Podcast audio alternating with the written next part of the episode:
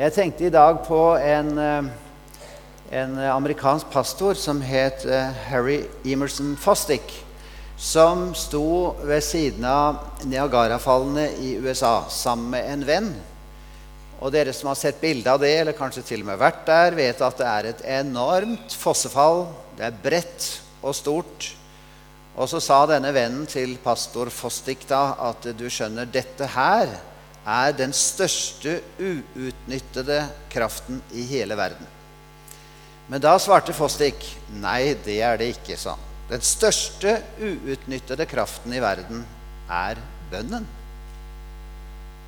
Og det er bønnen som er tema for denne søndagen, og vi skal da høre Guds ord fra Matteus 7, vers 7. Be, så skal dere få. Let, så skal dere finne. Bank på, så skal det bli lukket opp for dere.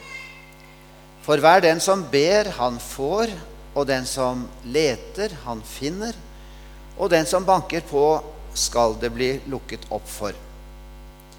Eller er det vel et menneske iblant dere som vil gi sønnen sin en stein når han ber om brød, eller gi ham en orm når han ber om en fisk? Når da dere som er onde, vet å gi deres barn gode gaver, hvor mye mer skal da deres far i himmelen gi gode gaver til dem som ber ham? Derfor, alt dere vil at menneskene skal gjøre mot dere, gjør det også mot dem. For dette er loven og profetene. Herre Jesus, må du tale til våre hjerter. Takk for bønnens store rikdom og privilegium. Amen. Det er både ett og flere politiske partier nå som har gått inn for å forby tigging på gatene. Og jeg skal ikke utmale hva slags motiver man kan ha for det. De fleste av oss møter jo tiggere. Men jeg har lyst til å gjøre oppmerksom på at eh, Bibelen faktisk ganske ofte omtaler tiggere. Og den første formuleringen i dagens tekst kan knyttes til tiggernes verden. Det er de som mener at det er Jesus som rett og slett tar opp tiggerspråket her når han anbefaler oss å be på denne måten. Altså tiggerne blir satt opp som forbilder når Jesus skal undervise om bønn. Hva slags mennesker var tiggere på denne tiden? Jo, de var isolert. De var kuttet ut fra den store familien. De hadde jo ikke noe forbindelse med den store enheten som ga dem trygghet, nemlig storfamilien. Samfunnet kunne ikke hjelpe stort, det var ikke vanlig. Men å bli utestengt av familien var svært. Tiggere var ofte syke, funksjonshemmede, ikke i stand til å arbeide. De var mennesker som måtte flykte fra der de bodde pga. kriger. Og mange så på tiggerne som mennesker som var under Guds dom, eh, fordi de hadde sikkert fortjent den skjebnen de hadde fått. Så hvis de ikke sto på og tigget, så ville de dø. Og da er det jo merkelig at Jesus på en måte løfter de fram. Og så sier han da at ja, tiggere de har nok en spesiell holdning til livet. De, de kan ikke tillate seg å være stolte. De kan ikke kreve noe. Hvis de mangler noe, så ber de. Hvis du er bortkommet, så leter du.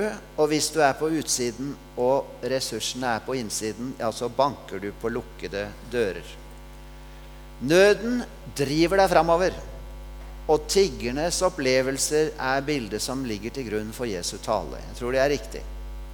Så han inviterer oss til å se oss selv som tiggere. Og hvis du ser det slik at du har alt du trenger, ja ja, så blir du ikke noe tigger. Men hvis du ser at det er noe som jeg kunne trenge, ikke minst av åndelige verdier, og at Gud har alt, men jeg føler meg tom ofte, da kan du begynne å lære å be. Å be, det er å komme i en ydmyk posisjon som gjør oss til tiggere. Vi har ingenting å tilby. Vi har behov av alt. Det er ikke et bilde av velferdsmette nordmenn. Ærlig bønn tar livet av stoltheten. Det var et artig apropos jeg opplevde i dag tidlig. Jeg ligger på en uh, hytte ute på Borestranda uh, og har det flott der som predikant. Og, og der så hørte jeg på ruta tok, tok, tok, klokka seks i dag tidlig. Og jeg tenkte hvem i all verden Jeg ropte automatisk opp av søvnen. Ja, her er jeg. Så skjønte jeg hvem er dette? Er det noen mennesker? Nei, det må vel være noe dyr eller et eller annet, tenkte jeg. En liten stund etter hørte jeg igjen. tank, dang. Og det var på ruta. Jeg aldri opplevd det før, jeg. så jeg listet meg opp vet, og tok til side gardinene, og det var en kråke. Og med en gang jeg var der sånn, whoop, så fløy den av gårde. Så tenkte jeg dette er vel ikke akkurat noe forbilde på bønn. Men jeg har ikke opplevd akkurat det der med å bli banket på ruta to ganger til og med. Så tenkte jeg, hva er forskjellen på en tigger og en kråke? Sikkert mange, men altså tiggeren eh, står på, men eh, kråka flykter. Ja, det er en ting. Men altså, merk dere dette enkle ordet. Be, så skal dere få. Let, så skal dere vinne. Bank på, så skal det lukkes opp for dere. Og Bønn er det eneste temaet Jesus tar opp to ganger i bergprekenen. Så det viser at dette er viktig. Det kan ikke erstattes av noe annet i en kristens liv. Gud lar en del ting ikke skje fordi vi ikke ber, tror jeg. Det kan ikke skje uten at det er noen som ber. Så hvis vi vil ha fellesskap med Gud, så, så skal vi gripe til denne fine muligheten å be. Og så er det altså tre verb her. Det ene er be, som jo er bare å henvende seg med en appell. Det andre er å lete, og det er jo litt mer aktivt. Da må du bevege deg. Og bank på, det er jo litt energisk, da. Da bruker du energi. Og det er som et bud, og dermed så vil Jesus si at dere, dere må ikke la være å be. Dere har fått dette som et bud av meg. Så allerede Samuel han sa det slik en gang at Men jeg, det være langt fra meg å synde mot Herren ved å holde opp og be for dere, sa han. Altså, jeg synder, sier Samuel, hvis jeg holder opp og be. Og Jesus sier da, ja, vær flittig til å be. Og det er også interessant at det, verbformene her er presens, og det betyr det er utstrakt. Dere skal be og be igjen. Det skal vare over tid. Tre bilder, samme sak, men en stigning. Og hvem er du og jeg i dette bildet? Hvem er det han snakker til? Jesus snakker til alle og enhver, tror jeg. Alle kan få lov å henvende seg til Herren. Så det er et fantastisk ord det innledes på her. Og så er det også verdt å merke seg eh, til at det er eh, en passiv form i svaret her. Dere, det skal gis, det skal lukkes opp, dere skal finne. Det er en jødisk måte å uttrykke på at det er Gud selv som gjør det. Det er respekt for Gud at Jesus sier det på denne måten. Han bruker ikke Guds navn. Det skal bli gitt av Gud. Det er Han som er kilden til alt godt. Så skal jeg ha med Han å gjøre, så skal jeg være stadig i samtale med Faderen, Sønnen og Den hellige ånd. Og det kan altså både ses på som et bud, eh, som det på en måte har formen av her, og som et vidunderlig evangelium. Men er det da snakk om en, en sjekk som du får utlevert, og så kan du fylle ut beløpet sjøl og så å si oppnå det du vil? Kan vi be og lete og banke på etter hva som helst? og så blir det gitt oss. Nei, det er flere ting å si om det. Det ene er at Jesus her taler i et visdomsspråk. Altså Han står i sammenheng med å snakke om den, den gode visdom. For i versene foran så snakker han om det å dømme og ikke dømme. Og skjønne forskjellen på det, hvordan vi skal dømme riktig, det krever visdom fra Gud. Og det gjelder også den som ber og leter og banker på. Men det skal likevel stå der som en veldig raus invitasjon til alle tiggere som er og er seg bevisst at de er tiggere. For det vi må løfte blikket mot, det er Han som kan si noe så sterkt som dette. Det var en troende mann som fortalte at han som barn ba faren sin om å få en ponni.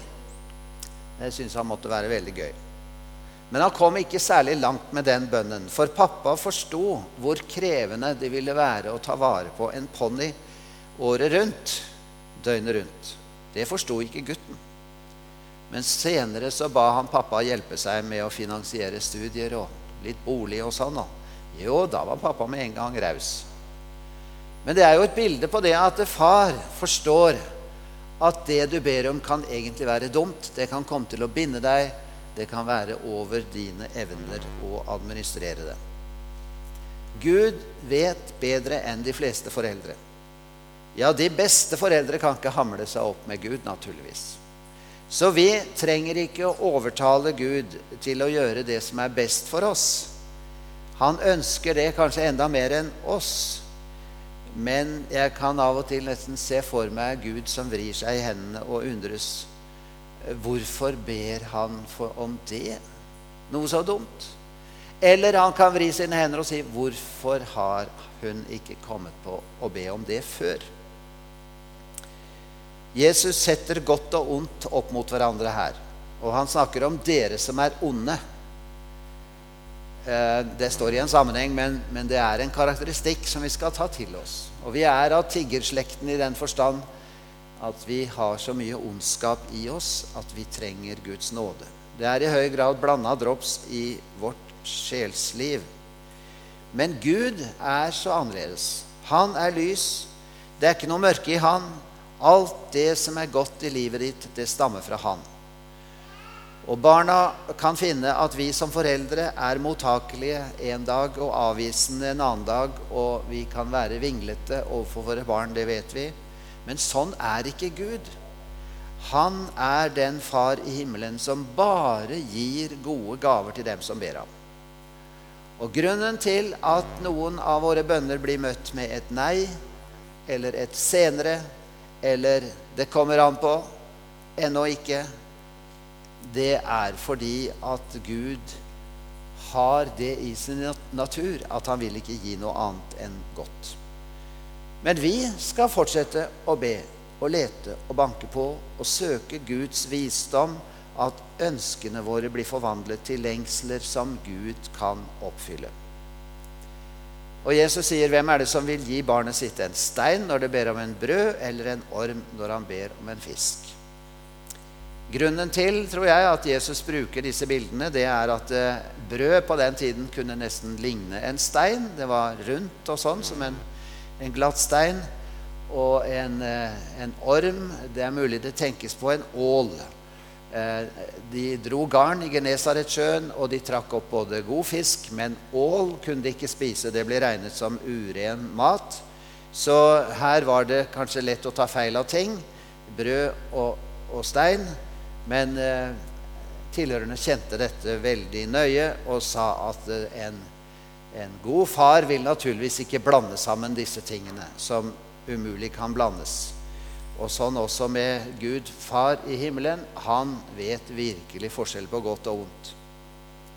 Når vi møter Guds kjærlighet, så blir vi forvandlet. Og vi får en ny innstilling, en ny visdom. Og når Jesus viser oss Gud fars karakter, til forskjell fra verslige foreldre, så får vi et så stort bilde av ham at vi blir tillitsfulle og takknemlige. Gud er en god far, og så mye mer. Så å be i Jesu navn, det er ikke bare å klistre et frimerke på et brev som liksom er Jesu navn på det brevet. Nei, det er å komme nært til Jesu hjerte og at våre ønsker klinger sammen med hva han ønsker. Men vi skal ikke legge skjul på at eh, de enkle, sterke ordene, de står der. Og så, og så, er vi onde, og så har vi begrenset forstand, og så har vi mye anfektelser når det gjelder bønn. Det var snakk om at det er farlig med herlighetsteologi, men eh, vi må sannelig legge vekt på å være ærlighetsteologer i den forstand at vi må være ærlige at det er ikke alltid så lett, dette med bønn. Det fortelles om en bonde i USA som opplevde en forferdelig tornado. Og Han hørte at den kom, så han dro ned i kjelleren, og uværet var helt uvanlig sterkt. Vinduene ble knust i huset hans, taket forsvant, låven hans ble blåst vekk, bilen hans veltet på hodet. Og etter stormen så kom det en nabo eh, bort til kjelleren hvor han var, og spurte er det noen der nede. Og bonden svarte det er ingen her uten meg og Gud, og vi har en opphetet diskusjon, sa han. Det var ikke lett å takle det, at alt var ødelagt. En opphetet diskusjon. Har du vært i en sånn diskusjon med Gud? Ja, For det første må jeg da si at vi lever i en fallen verden. Vi ser ondskapen omkring oss, i oss, også våre nærmeste, også naboer, medarbeiderfellesskap. Dere som er onde, sier Jesus. La oss ta det til oss. Så vi har ikke noe å stille opp med. Eh, og derfor er Gud så mye mer lys, og han har så mye større forstand. Så vi må starte på tiggeplassen og si, 'Herre, jeg ber, og du ser jeg leter, jeg banker på.' 'Dette er mitt problem, dette er vår anfektelse.' Du ser vi, mann og kone, vi ber utrettelig. Og det kan være for barn og barnebarn, det kan være nære mennesker hvor vi sier, 'Uff, at de skulle rote seg inn i dette.' Og kan ikke du gripe inn, Gud? Og så kjenner du kanskje deg igjen i dette. Jeg må bare si grip troen. Hør på Jesu ord, og regn med at hans visdom er større enn din. Vi har ikke grunn til å se mørkt på livet og fremtiden. Vi har ikke grunn til å være pessimister. Vi skal være realister. Men Far i himmelen har kontrollen. Vi har fått en stor gave. Vi har fått bønnen som et takvindu der. Vi kan skue oppad og prøve å legge det andre til side.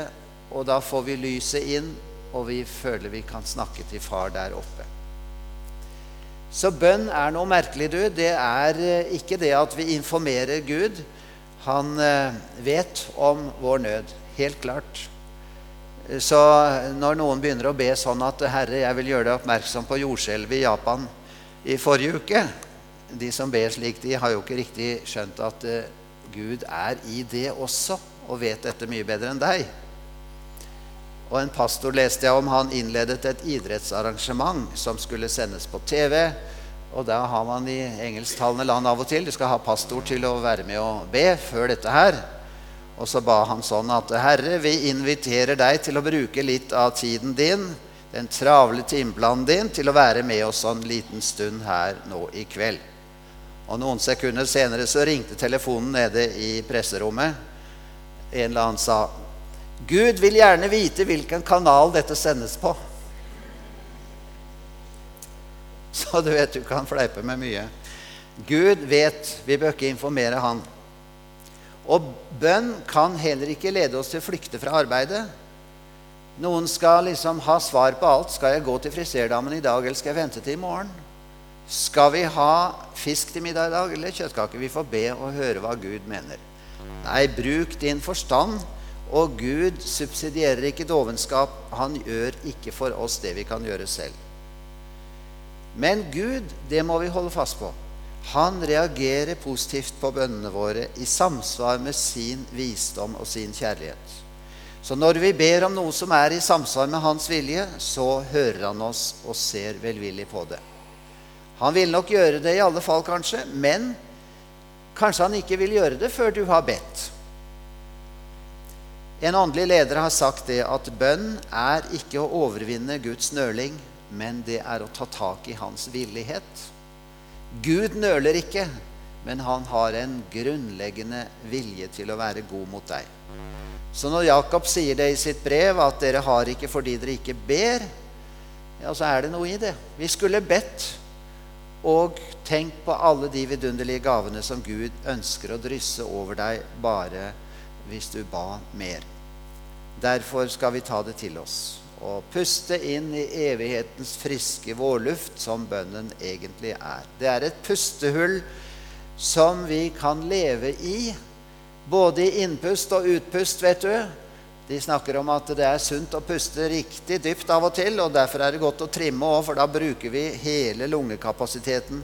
Og det er vel også et bilde på det at vi kan ta puste dypt i bønnen, ikke sant. Og det med pustebildet og det med at det står i presens her, det er jo et bilde på at vi skal leve i dette. Gjenta det. En rytme som er selve livets rytme. Be, let og bank på. Så skal det lukkes opp. Fast program på dagsordenen, dagsprogrammet, men gjerne leve i det til enhver tid. Og jeg syns det er vidunderlig når jeg er i den fasen at jeg bare syns nå vil jeg skru av alt med medier. Nå vil jeg bare være stille for Gud og be. Og da er det så vidunderlig å være nær Ham. Be uavlatelig. Be stadig, skriver Paulus i sitt brev.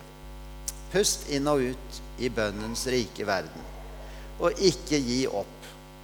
Du kan som jeg være av og til anfektet. Hvorfor får vi ikke svar? Hvorfor går dette i gæren retning? Hvorfor stopper du ikke ondskapen, Herre? Og så kan vi ikke måle dette med vår forstand. Og Gud måler ikke våre bønner i meter eller kilo heller. Det kommer ikke an på hva slags eh, mengde vi kommer med. Vi får bare tenke på lang sikt. Du forstår det ikke nå, men du skal skjønne det siden, sa Jesus i en sjelesødgrisk situasjon. Og det får også vi leve i. Så tenk på dette med den frimodige tillit du kan ha til ham, også når du synes det virker stengt for deg. Også når du sier at 'jeg har prøvd å be', 'jeg har bedt om det og det, og Gud hørte ikke'. Nei, bønn er visst bare gammel overtro. Da skal du huske at eh, Gud er større enn dine tanker og din forstand.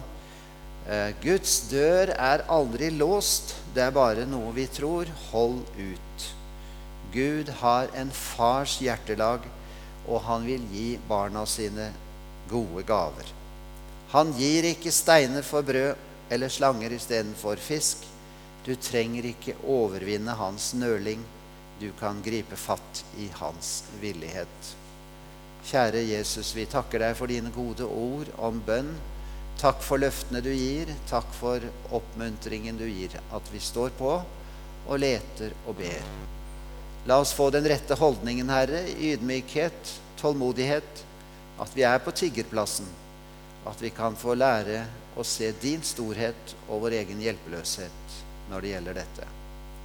Herre, du ser til alle våre hjerter her vi er samlet i dag. Du vet noen som kanskje strever spesielt med bønnesvar som de synes uteblir. Må du komme nær til dem med din trøst, Herre, lære dem tålmodighet og gi dem svar på din måte.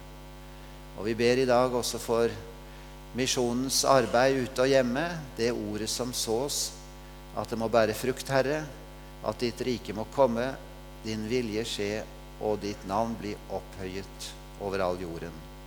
Amen.